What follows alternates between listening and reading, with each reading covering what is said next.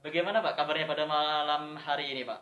Alhamdulillah atas doa dari rekan-rekan di Suara Bintara eh, saya dalam keadaan sehat dan bisa memenuhi undangan eh, untuk bincang-bincang di sini dalam keadaan santai dan rileks. Mudah-mudahan apa yang akan kita sampaikan nanti membawa manfaat bagi masyarakat Tulungagung khususnya. Iya, amin. Baik, Pak. Pak Silan kita akan berbicara terkait Tulungagung ini sendiri Pak ya. Baik, kalau berbicara terkait peradaban yang ada di Kabupaten Tulungagung ini sendiri Pak Mirsa. Bahkan lalu kita sudah merayakan hari jadi Kabupaten Tulungagung yang ke-816. Ini adalah kurun waktu yang katakanlah begitu lama sekali waktunya Pak ya. Nah, dan dengan kurun waktu yang begitu lama ini tentunya banyak sekali peristiwa-peristiwa eh, sejarah peradaban-peradaban di masa lalu di balik berdirinya Kabupaten Tulungagung ini. Baik berupa mungkin arsip ataupun pustaka daerah yang ada di dinas terkait. Mungkin eh, saya akan mengawali terkait eh, anu Pak, berbicara tentang peradaban di Tulungagung ini sendiri. Mungkin saya tahu, saya ingin tahu terlebih dahulu eh, tentang arti ataupun makna dari kabupaten kita ini sendiri yakni Tulung Agung. Mungkin bisa dijelaskan Pak. Ya, terima kasih.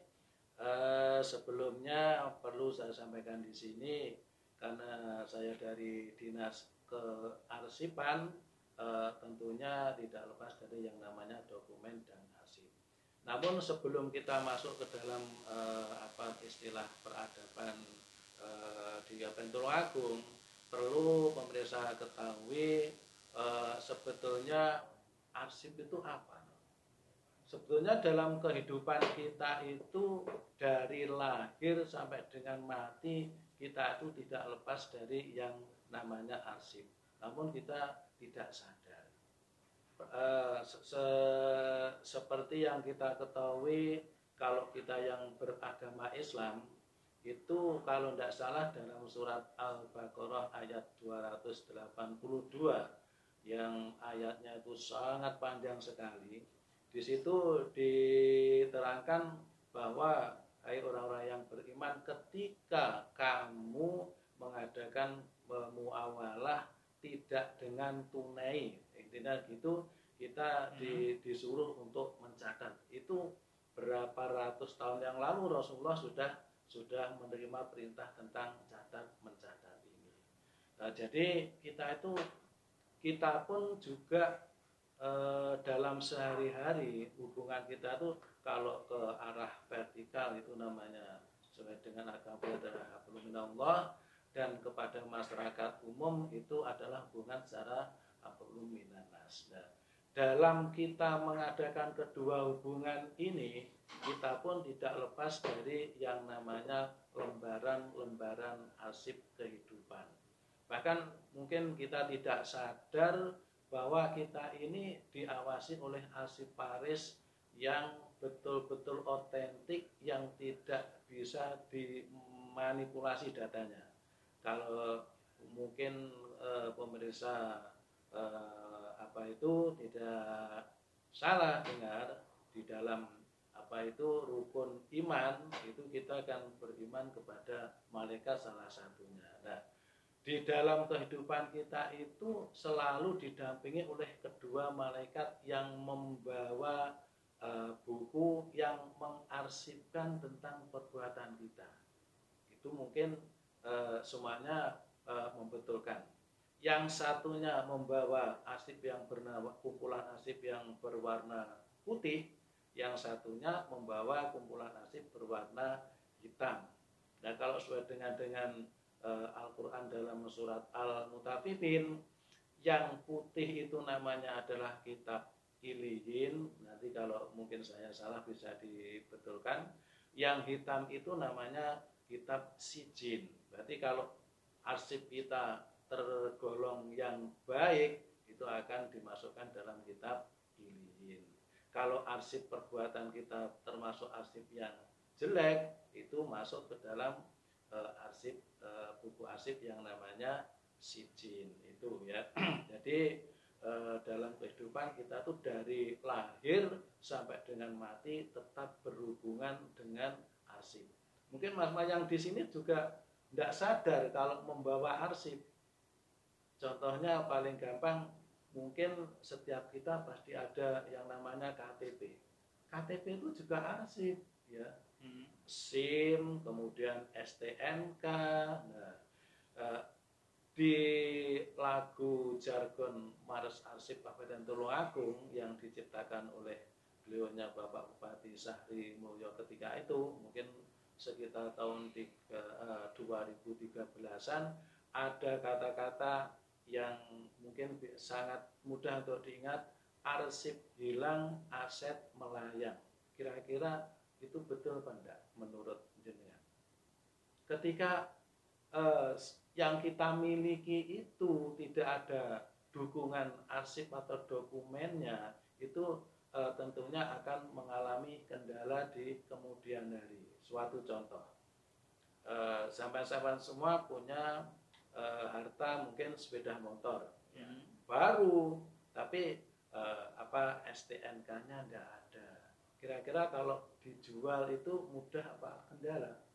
rumah yang bagus tapi tidak ada sertifikatnya tanah yang luas tidak ada sertifikatnya sebagai data pendukung kalau itu adalah milik kamu dan tentunya ini akan mengalami kesulitan di e, belakangnya walaupun kalau dijual juga juga laku tapi lakunya kan tidak seperti kalau dokumennya lengkap e, seperti e, mungkin perlu diketahui oleh pemirsa bahwa banyak aset-aset pemerintah dan Tulungagung itu yang lepas dari dari milik pemerintah karena tidak ada tidak ada uh, dukungan uh, arsip yang menyatakan bahwa itu adalah milik pemerintah.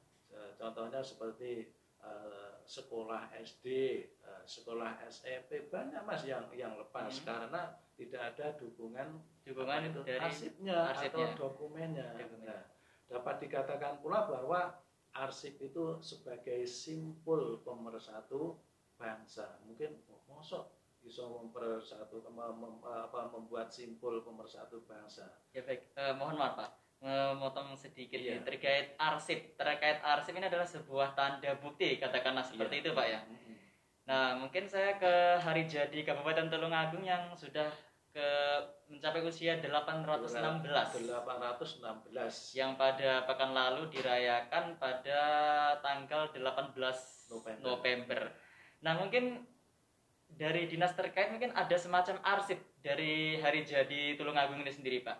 Ya, katakanlah usia 816 ini adalah uh, rentan waktu yang begitu lama, yang sangat lama. Mungkin ada semacam arsip sendiri dari dinas terkait terkait hari jadi Tulungagung ini sendiri? Mungkin terkait dengan apa arsip yang menyangkut tentang hari jadi Kabupaten Tulungagung.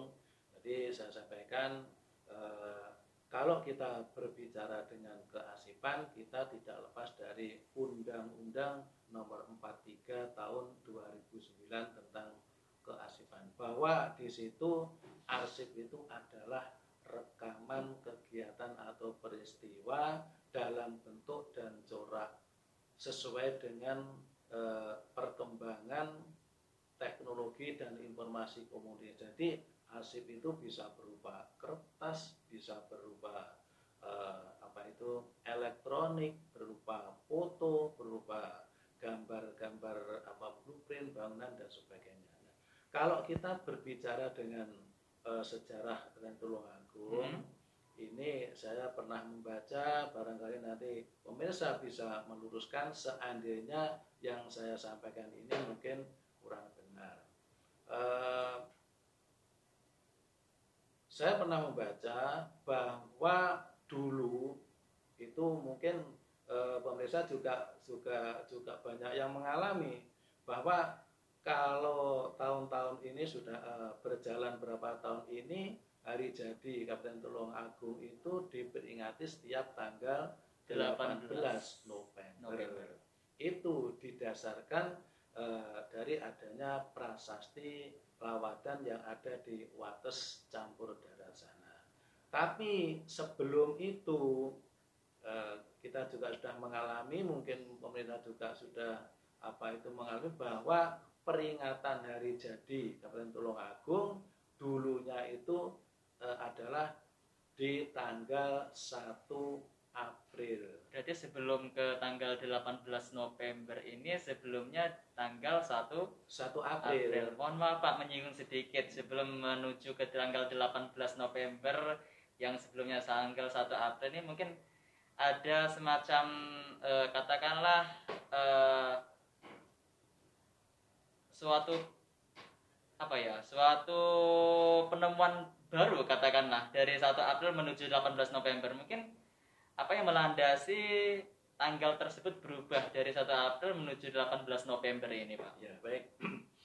Jadi eh, pijakan 1 April itu didasarkan dari dulunya pusat pemerintahan Kabupaten Tulungagung itu eh, bukan bernama Tulungagung tapi Kadipaten Rowo Kadipaten Ngerowo. Ngerowo, yang tepatnya itu di Ketandan ya sekarang nah Ketandan itu wilayah kecamatan Kauman itu kalau tidak salah letaknya di sebelah timur jalan eh, di eh, utaranya Pasar Kliwon agak ke apa agak, agak ke timur ya mungkin posisinya di situ jadi 1 April itu adalah perpindahan Hmm. kota eh, Kadipaten Rowo menuju alun-alun yang sekarang itu. Dan kalau tidak salah itu ditandai dengan yang namanya hmm, patung yang berada di empat penjuru masuk kota Tulungagung. Empat Jadi- penjuru masuk kota Iya.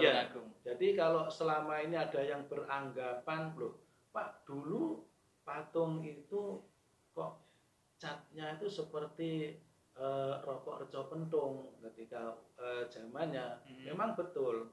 Eh, sebetulnya eh, empat patung yang menuju eh, apa itu ma- eh, empat penjuru masuk kota Tulungagung itu bukan milik eh, pabrik rokok reco pentung, tapi itu menandai eh, apa itu bahwa eh, kalau orang Jawa itu bisa membaca ya orang Jawa kuno itu adalah istilahnya apa ya itu kalau di dalam bahasa daerah itu apa wangsalan apa apa itu itu sebetulnya menunjukkan tahun nah, dari dari situ bisa dibaca oh eh, ketika eh, Tulungagung dulu pindah dari Ngrowo menuju ke alun yang sekarang itu eh, tahunnya ditentukan bisa dibaca lewat eh, patung itu Salah satunya ditandai dari patung Rojo Pentung yang berada di empat penjuru empat tersebut. masuk kota Tulungagung jadi Tulungagung. itu bukan milik perusahaan Rejo Pentung makanya sekarang eh, dikembalikan lagi warnanya abu-abu seperti aslinya. Yang mungkin dulu bisa dicat warnanya seperti eh, perusahaan Rejo Pentung itu mungkin ya karena untuk menambah keindahan mungkin karena waktu itu eh, Rejo Pentung sedang naik daun bahkan eh, menjadi pimpinan apa pabrik rokok di Indonesia ya PNRI itu loh. Itu, itu di zamannya Pak Sumiran dan begitu. Siapa yang tidak kenal dengan Rejo Pentung sampai ada eh, lagu apa itu rokok eh Rejo Pentung. Nah, itu masih dengar enggak itu ya itu Ya baik, mo- mohon maaf Pak.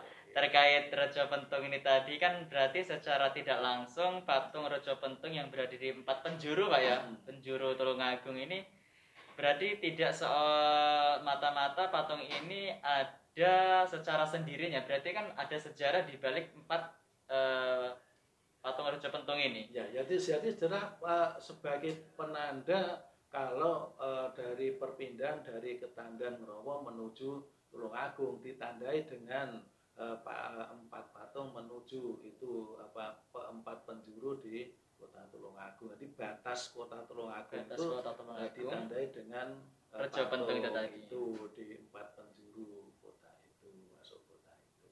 Ya. Baik. Selanjutnya ini terkait eh, terkait arsip, Pak.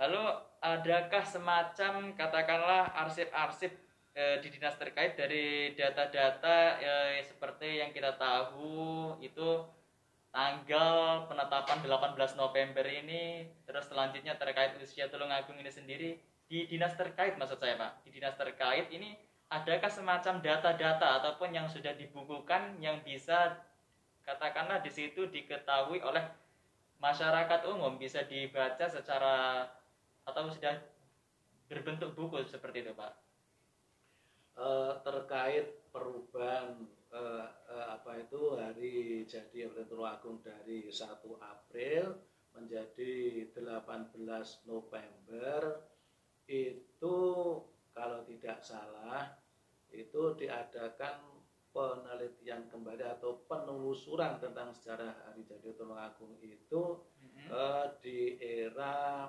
Dewan tahun 2009-an insya Allah nanti kalau mungkin tidak salah pemirsa bisa meluruskan.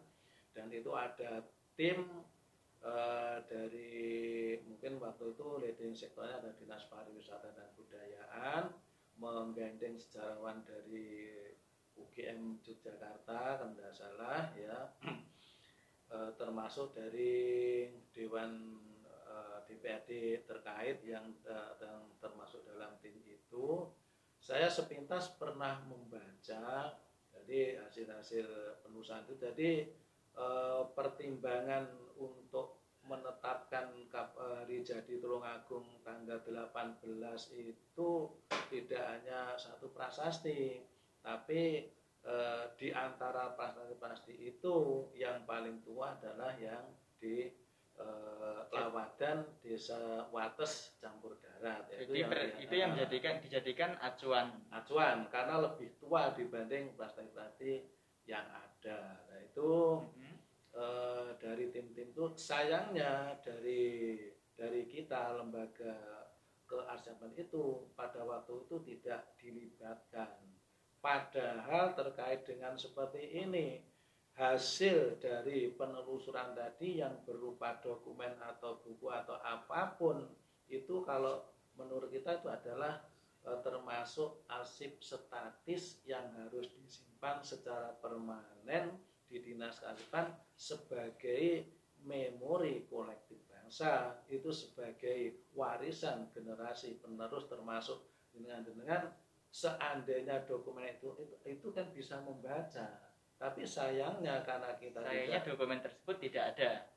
Mungkin ada, hmm. tapi tidak di dinas e, perpustakaan dan keasipan mungkin lewat e, apa itu bintang sanda ini e, pemirsa mungkin di mana pun berada bisa menunjukkan karena itu dokumen itu termasuk e, dokumen penting yang nanti e, berguna dan bermanfaat bagi generasi penerus bangsa. Ini harus diketahui iya. oleh generasi ke generasi, iya, khususnya di Tulungagung mungkin, ini. Mungkin adik-adik uh, mahasiswa yang sedang uh, apa itu mengadakan penelitian, oh kalau Tulungagung hari jadi Tulungagung uh, diubah menjadi 18 November ternyata dasarnya ini itu kan berarti bisa dipertanggungjawabkan secara apa itu karena ada dokumennya. Tapi sementara ini dokumen yang asli itu yang menyimpan siapa di dinas mana kita juga belum tahu. Mudah-mudahan wahana ini bisa memunculkan dokumen itu dan mudah ada yang sadar diserahkan kepada kita di dinas kehasan untuk disimpan sebagai memori kolektif bangsa. Karena perlu diketahui ya hmm. Mas Fikri bahwa dokumen-dokumen yang ada di kita di Dinas Perpustakaan dan Keagamaan Tulung Agung itu adalah eh, titipan-titipan dari instansi lain. Jadi kalau dari dinas instansi lain itu tidak menitipkan pada kita, tentunya kita juga uh, tidak punya uh, koleksi terkait dengan itu. Suatu misal sebagai contoh yang paling gampang, masyarakat ingin tahu sejarah eh, perdikan Majan. Ini saya contohnya. Ya, perdikan Majan dulunya kan Majan itu menjadi masih perdikan artinya terlepas dari tanggungan pajak dan sebagainya. Buktinya apa? Nah, karena dari desa Majan itu juga belum menitipkan eh, apa itu dokumen-dokumen terkait dengan perdikan Majan di sana juga tidak tidak mempunyai dokumen itu kalau masyarakat tanya kita juga belum bisa menunjukkan seandainya dokumen-dokumen yang saya sebutkan tadi bisa dititipkan ke sana atau mungkin kita diberikan kopinya hmm. itu bisa diketahui oleh masyarakat luas dan generasi-generasi penerus bangsa kita. Berarti secara tidak langsung dokumen terkait eh, katakanlah sejarah yang saya sebutkan tadi ini dari dinas terkait sendiri belum memiliki dokumen-dokumen ataupun arsip-arsip terkait uh, sejarah tersebut, Pak ya? Ya belum. Oh. Walaupun Jadi, itu mestinya mestinya walaupun memang ada. dokumennya mestinya ada, ya, memang karena, ada gitu kan sebenarnya. hasil penelusuran itu hmm. oleh tim itu. Hanya saja dari, dari dinas ini sendiri belum menyimpan terkait arsip-arsip tersebut seperti itu. Iya. Itu kalau tidak salah itu di era Pak Bupati Bapak Insinyur Cahyono itu Ya baik Pak, mungkin sambil dinikmati hidangan ataupun suguhan yang sudah iya, disiapkan di Suara Bintara ini. mungkin ada lagi, ya kalau nanti eh, mungkin saya belum bisa artinya menjawab dengan tepat, ya nanti akan saya usahakan untuk uh, mencarikan uh, apa jawaban dari sumber-sumber yang lain. Jadi saya saya minta mungkin saya menyarankan seandainya nanti ada acara bincang santai seperti ini hmm. terkait dengan apa itu penulisan dan tulung agung mungkin bisa melibatkan eh, apa itu pemerhati cagar budaya pemerhati cagar budaya. pemerhati cagar budaya itu masih eksis mas. Jadi tentang budaya tulung agung mungkin katanya dengan situs-situs apa yang perlu diketahui oleh uh, adik-adik pelajar, generasi penerus. Contoh saja mungkin katanya dengan uh, yang gampang mungkin. Bagaimana tahu sejarah jembatan pelengkung pasar wage mungkin banyak yang tidak tahu nah, itu kalau mungkin nanti kita apa itu berkolaborasi dengan apa itu insan-insan pemerhati cagar budaya mungkin e, lewat wahana ini apa ya mungkin sedikit membuka demi wawasan. sedikit membuka wawasan masyarakat akan pentingnya sejarah sejarah mm -hmm. pentingnya dokumen otentik tentang e, Tulung Agung ini. Oh ternyata Tulung Agung itu ya ya kaya akan cagar budaya. Tulung Agung itu merupakan apa ya istilahnya wadah cagar budaya yang luar biasa deh, kalau digali. Ya mungkin sementara ini kan belum muncul, mungkin masih masih di di mana kita yang belum tahu. Ya baik pak. Dari cagar budaya di Kabupaten Tulungagung ini sendiri yang sangat katakanlah e, luar biasa sekali pak ya. Iya. E, mungkin dari dinas terkait pernah nggak pak mengadakan suatu kerjasama ataupun mungkin e, kerjasama? Entah itu dari pihak kampus atau mungkin dari pihak-pihak cagar budaya bekerja sama dengan dinas terkait untuk apa ya? Katakanlah e, menggali sejarah kemudian di situ dibukukan dengan tujuan akan dibukukan secara nggak langsung dengan dibukukannya sejarah ini kan nanti kan masyarakat ataupun generasi-generasi muda yang secara terus menerus bertambah ini kan mengetahui pak yeah. mengetahui akan sejarah dari cagar-cagar yang luas sangat luar biasa yeah, sekali yeah. di Tulungagung sendiri uh, terkait dengan penggalian dokumen-dokumen bersejarah kemarin eh, dinas perpustakaan dan ke Tulung Agung atas masukan dari masyarakat juga itu pertama kita pernah mendokumentasikan tentang eh, sejarah eh, desa-desa sekabupaten Tulungagung. Artinya gini, jadi misalnya namanya Batang Saren. Kenapa kok namanya Batang Saren? Yaitu Eh, kita minta desa yang bersangkutan itu mendokumentasikan sesuai dengan versi mereka juga kalau ada dukungan apa ilmiahnya jadi eh, sementara itu ada buku eh, dokumen sejarah-sejarah desa Sekarang Agung itu eh, di kantor kita ada. Karena itu yang mengirim dan yang membuat itu juga desa masing-masing. Misalnya di yang dekat sini mungkin ada apa itu e, Mojo Agung misalnya Mojo Agung itu kan wilayah Ngantru. Kenapa kok uh, dulu dinamakan Mojo Agung? Itu saya pernah membaca di apa itu yang dikirimkan dari pihak di sana bahwa di sana dulu ada pohon maja, maja itu yang seperti jeruk itu loh ya, itu. Mm -hmm. Agung itu besar, jadi pohon ma ma maja itu agung makanya untuk memudahkan atau mengingat barangkali uh, para sepuh dulu mas dinamakan Mojo Agung. Dinamakan Mojo Agung. Mungkin uh, itu tadi Mojo Agung. Hmm. Kalau uh, Tulung Agung ini sendiri, mungkin makna dari Tulung Agung ini sendiri bisa dijelaskan Pak, makna dari Tulung Agung ini. Kalau kita pernah mungkin uh, mengikuti acara-acara terkait dengan penggalian uh, sejarah budaya tentang Tulungagung mm -hmm. uh, seperti uh, ketika ada prosesi uh, siraman atau jamasan pusaka Agung Tulungagung yang namanya Kanjeng Kiai Upas yang juga pemiliknya di di sini dah ya Kanjeng Bupati Kusumo di sana itu ada pembacaan riwayat tentang Tulung Agung. Di sana eh, saya dengarkan Tulung Agung itu ada dua kata yang masing-masing punya arti yang yang eh, makna yang memiliki dua arti kata. Tulung dan agung. Tulung dan agung. Tulung mm -hmm.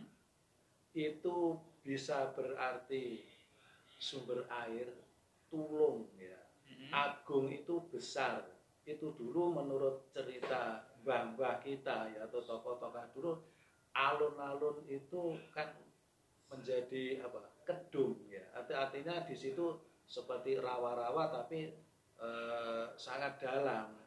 Dan itu tidak lepas dari jasa bahasan mimbar. Ketika ya, ya Mbah Hasan Mimbar.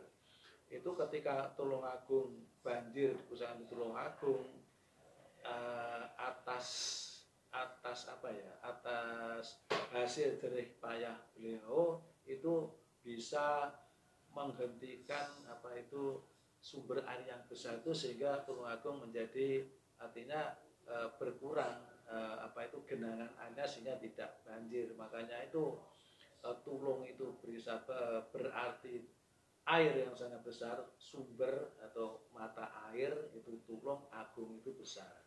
Dan karena tulung agung terbebas dari banjir, tulung agung pun juga berarti tulung itu pertolongan ya, tulung itu kan mm-hmm. ayat terang ya. Agung juga besar, besarnya apa? Uh, adanya pertolongan yang apa itu melalui dari tangan beliau Hasan Mimbar yang bisa menghentikan banjir Tulungagung akhirnya kan Tulungagung bebas dari genangan air berarti mendapatkan pertolongan yang besar jadi kata besar. dari Tulungagung ini sendiri memiliki arti e, pertolongan yang besar yang besar yang besar selain itu ada sumber air yang besar yang besar itu mungkin kalau hmm. ini semua bisa bisa menerima karena setiap uh, prosesi jamasan pusaka kayaknya hal itu mesti dibacakan. Nanti kalau Mas Fikri uh, apa ada waktu luang ketika nanti ada prosesi itu biasanya berlangsung di bulan Muharram itu. Berarti suro. Jadi biasanya tanggal 10 suro itu. Biasanya ada uh, itu nanti benar bisa bisa ikut mendengarkan prosesinya. Pasti ada pembacaan tentang tulung agung. Ya belum sebelum lanjut mungkin supaya lebih rileks kita nikmati bersama Pak.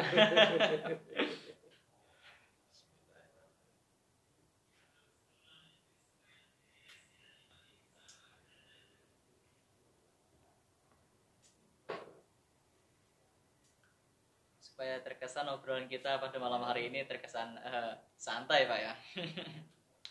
Kalau tadi kita sudah mengupas terkait uh, katakanlah apa itu uh, arti makna dari Tulungagung itu sendiri mungkin saya sekarang ke Boyolangu pak di Boyolangu ini katakan ada sebuah peradaban ataupun candi yang terdapat di Boyolangu yang mana di tempat candi tersebut terdapat arca arca-arca yang uh, pada saat itu para ilmuwan uh, menamakan arca tersebut dengan arca Gayatri Nah, mungkin eh, ada sejarah tersendiri ataupun dari dibalik nama Gayatri ini yang terdapat di Candi Boyolango tersebut, Pak. Terima kasih. Eh, terkait keberadaan Candi Gayatri yang ada di Desa Boyolangu, ya memang di situ eh, apa tempat apa itu apa ya tempat penyimpanan abunya eh, Raja Patni Gayatri itu makanya di situ dinamakan eh, Candi Gayatri.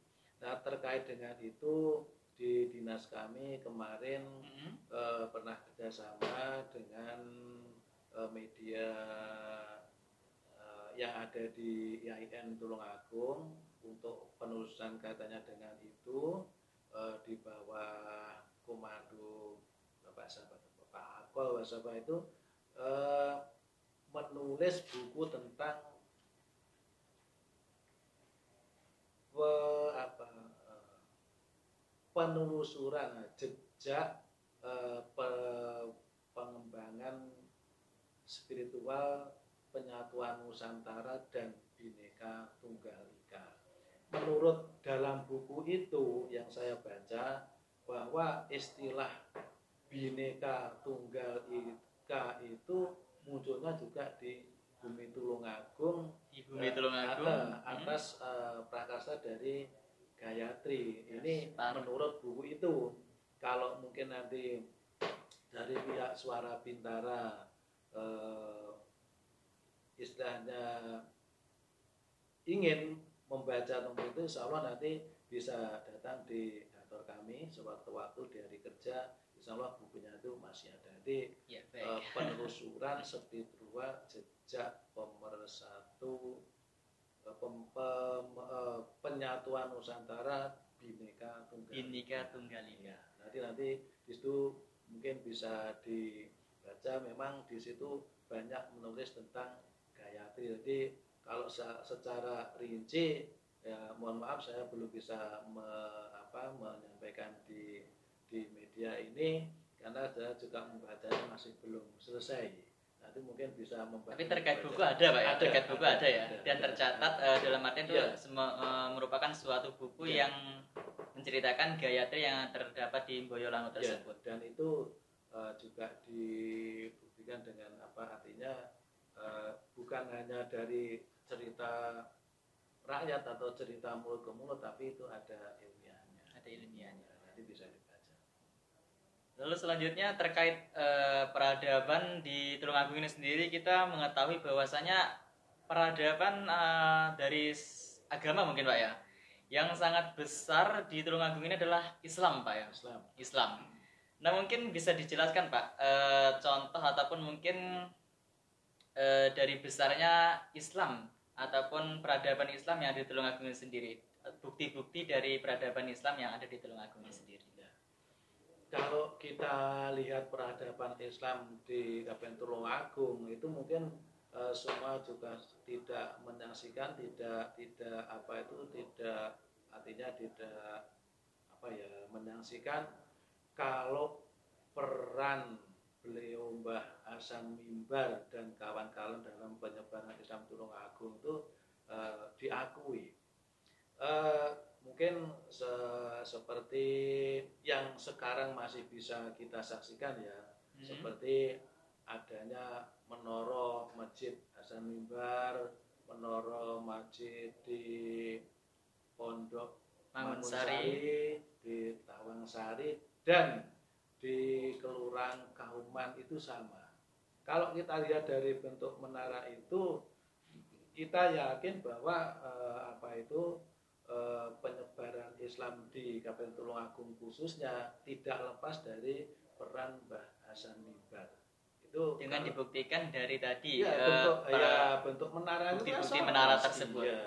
Jadi makanya di Tulungagung itu di eh, alun-alun ke barat ada yang namanya wilayah kelurahan Kauman. Itu kalau istilahnya orang Jawa otak atik gato itu kan kaum wong iman. kauman Iya. kaume wong iman Jadi itu eh, apa di sana memang Mhm. mayoritas penduduknya kan Mayoritas penduduknya dari Islam. berbagai etnis ada yang dari Bawean, ada yang dari Arab itu kan ngumpulnya di sana. Mungkin bisa kita lihat dari situ termasuk dari tadi eh, apa itu bentuk menara tadi yang yang sekarang ini masih masih bisa di dilihat dan disekan oleh generasi-generasi penerus. Itu mas. mungkin kalau kita lihat dari eh, momen ataupun bukti-bukti secara nyata ada. Secara mungkin dokumen foto tempo dulu di dari dinas terkait ada pak ya di dinas terkait foto-foto terkait Kalau di Hmm. dinas kita kaitannya dengan tempat ibadah yang lama itu ya dulunya masjid kita itu sebelum sebelum Masjid Agung Al Munawar itu kan namanya Masjid Jamek Tulungagung masih Mhm. mungkin eh, pada waktu dibongkar itu saya kan sudah masih ingat atau belum saya tidak tahu itu kan eh, bentuknya kalau penjenengan ingin mengetahui bahwa bentuk masjid Jamek Tunggal itu sampai sekarang masih utuh beserta dengan ornamen-ornamen di dalamnya itu masih utuh. Itu penjenengan bisa eh, datang di itu masuk gedang sewu apa Keten ya? Pokoknya dari perempatan Gluduk itu ke barat kira-kira 100 meter di sebelah selatan jalan itu ya seperti itu masjid eh, Jamek Tulungagung jadi dari ornamen apa itu biasanya yang dari marmer itu terus Hmm. apa mimbarnya yang berupa ukiran-ukiran kayu itu masih persis seperti yang asli dan kalau istilahnya apa ya kalau orang mengatakan dulu eh, karismanya karisma Nah, dari itu masih terasa Masih terasa, di, ya? di dalam masjid ini. Kalau eh, karena menurut sejarahnya dalam pembangunan masjid Jamek tersebut eh, ditangani oleh bukan sembarang orang. Artinya dalam memasang sesuatu terkait dengan bangunan masjid itu kan ada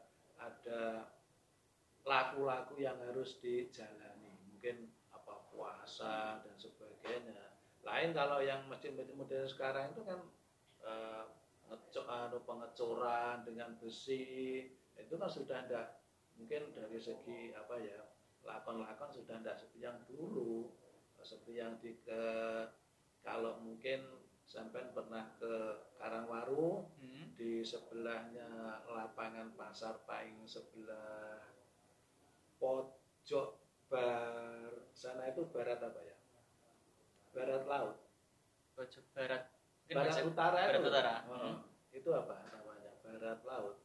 Itu ada makamnya seorang wali yang di situ disebut oleh masyarakat kita adalah Mbah Kumbang itu salah satu eh, apa itu pekerja masjid masjid Jamek Tulungagung Tugu dulu. Jadi dinamakan Mbah Kumbang karena mungkin sambil me- apa istilahnya bekerja mengerjakan kayu mungkin sambil nata sambil itu eh, beliaunya itu berpikir kenapa kok dinamakan Mbah Kumbang? Karena pikirnya itu kan orang pikir itu kan kadang ditinggalkan dari kan koyok berenang kok berenang koyok kumbang makanya itu terkenal dengan Mbah Kumbang. Nah, itu loh. Terkenal dengan nama Mbah Mbah Kumbang. Itu makamnya ada kalau malam-malam tertentu juga banyak yang ziarah di sana. Sampai sekarang masih ada jadi sekali lagi kalau eh, Mas Fikri ingin membuktikan bahwa Tulungagung punya masjid eh, jamek yang masih mempunyai apa itu istilahnya apa ya orang Jawa mengatakan itu karisma apa? mungkin. Karisma atau Eh, mungkin istilahnya nuansa-nuansa yang eh, nuansa-nuansa yang yang berkarisma. Karisma artinya di situ ketika kita masuk masjid itu punya wah, ada ada rasa ada rasa yang berbeda mungkin Pak ya? yang gimana gitu loh. Itu bisa dibuktikan. Bahkan marmernya juga asli memang bentuk aslinya masih utuh langsung diboleh ke sana. Sampai atapnya ya aslinya seperti. Baik, selanjutnya terkait uh, selanjutnya terkait Kali Ngerowo nih, Pak. Terkait Kali Ngerowo ini uh, salah satu bentuk peradaban yang berada di Tulungagung seperti yang kita ketahui bahwasanya di aliran Sungai Ngerowo ini terdapat alat transportasi yang kita kenal sampai sekarang itu tembangan, Pak ya. Nah, yang mana sepanjang Sungai Ngerowo ini banyak menyimpan eh, peradaban di daerah Tulungagung. Mungkin bisa diceritakan Pak tentang peradaban yang ada di sepanjang Sungai Kalingerowo ini. Kalau terkait dengan Sungai Ngerowo itu eh, memanjang dari itu kalau di apa ya Sungai Ngerowo itu dari dari ini kan juga termasuk aliran Sungai Klo Mas. Iya. Ini ya dari dari dari Damajan. Dari Damajan ke arah ke arah selatan, kemudian belok ke barat disambung dengan yang dari Kali Song, kemudian ke selatan lagi eh, sampai dengan istilahnya di apa itu eh, arena Kongkoko itu ya Tingkah ya kemudian menyambung ke selatan akhirnya sampai di Boyolangu dan campur darat itu memang e, dulunya kan sebagai e, sarana transportasi masyarakat Tulungagung. Jadi sebagai di, sarana uh, transportasi sarana masyarakat mas, masyarakat Tulungagung iya, tempo dulu tempo seperti dulu. itu. Baik itu mungkin untuk mengangkut hasil pertanian, mungkin juga untuk apa itu kaitannya dengan uh, transportasi antar desa. Itu kan bisa dibuktikan mungkin kalau kita di daerah campur darat ke selatan itu masih ada yang menyimpan apa ya perahu. Perahu tahu ya perahu, oh, perahu. Nah, itu yang perahu e, dengan obeknya itu masih ada. Jadi mungkin e, sekarang pun masih bisa digunakan lah itu. Kadang-kadang masih ada yang jadi mesti menjadi alat oh, transportasi bahkan untuk sekarang. berang dari barat ke timur dan sebagian dari timur ke barat itu masih ada yang itu yang yang menggunakan sarana, menggunakan sarana perahu. transportasi perahu tersebut jadi itu adalah salah satu sejarah uh, atau mungkin uh, peradaban yang ada di sekitar Kalingarawo ya, ya seperti kita tahu sendiri di daerah sini sendiri tepatnya di Damajan ini kan ya termasuk aliran Sungai Ngerowo juga iya, Pak ya. Uh, iya. Baik Pak, mungkin ada pesan-pesan mungkin Pak ya terkait uh, sejarah ataupun peradaban-peradaban di Tulungagung ini sendiri sepertinya menjadi PR kita bersama Pak ya untuk iya. menjadikan uh, sejarah ini kita bentuk se semacam arsip ataupun dokumen-dokumen berupa buku agar generasi-generasi muda Tulungagung ini mengetahui akan sejarah pentingnya sejarah dari Tulungagung ini sendiri Pak ya. Betul, betul, Mungkin ada pesan-pesan untuk uh, para pendengar setia Bintara Pak terkait sejarah di Tulungagung ini sendiri?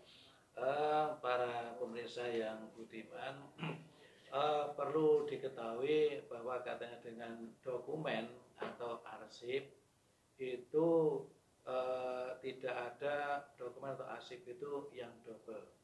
Artinya bahwa antara arsip dengan pustaka itu sangat berbeda arsip itu tercipta kalau kita mau ada kegiatan. Jadi tidak ada mas istilahnya saya akan menciptakan arsip, tidak bisa. Tapi kalau buku, saya mau mengarang buku bisa. Nah, nah kalau arsip itu kalau hilang itu tidak bisa tergantikan. Kalaupun ada gantinya itu namanya bukan arsip. Contohnya, siapa punya STNK. Suatu saat STNK itu hilang dan berbagai upaya ditempuh tapi tidak menemukan. Akhirnya juga benar bisa diberikan eh, STNK lagi, ditemukan lagi, tapi namanya kan bukan eh, STNK yang asli. Kan nanti akan diberi apa itu predikat eh, apa diberi identitas paling duplikat gitu ya. Duplikat. Ya, jadi duplikat, bukan semacam dokumen ya, yang asli seperti ya. ijazah uh, seperti buku nikah. Nah itu kalau hilang tidak bisa tergantikan. Paling hanya duplikat hmm. tapi kalau bahan pustaka kalau hilang bisa dicetak lagi. Nah itu. Jadi perlu dipahami oleh rekan-rekan uh, pemirsa di suara, uh, suara bintara ini. Jadi perpustakaan bahan pustaka dengan arsip itu beda. Jadi arsip kalau hilang tidak bisa tergantikan. Oleh karena itu marilah kita sama-sama kaitannya dengan arsip ini untuk mewariskan kepada generasi muda.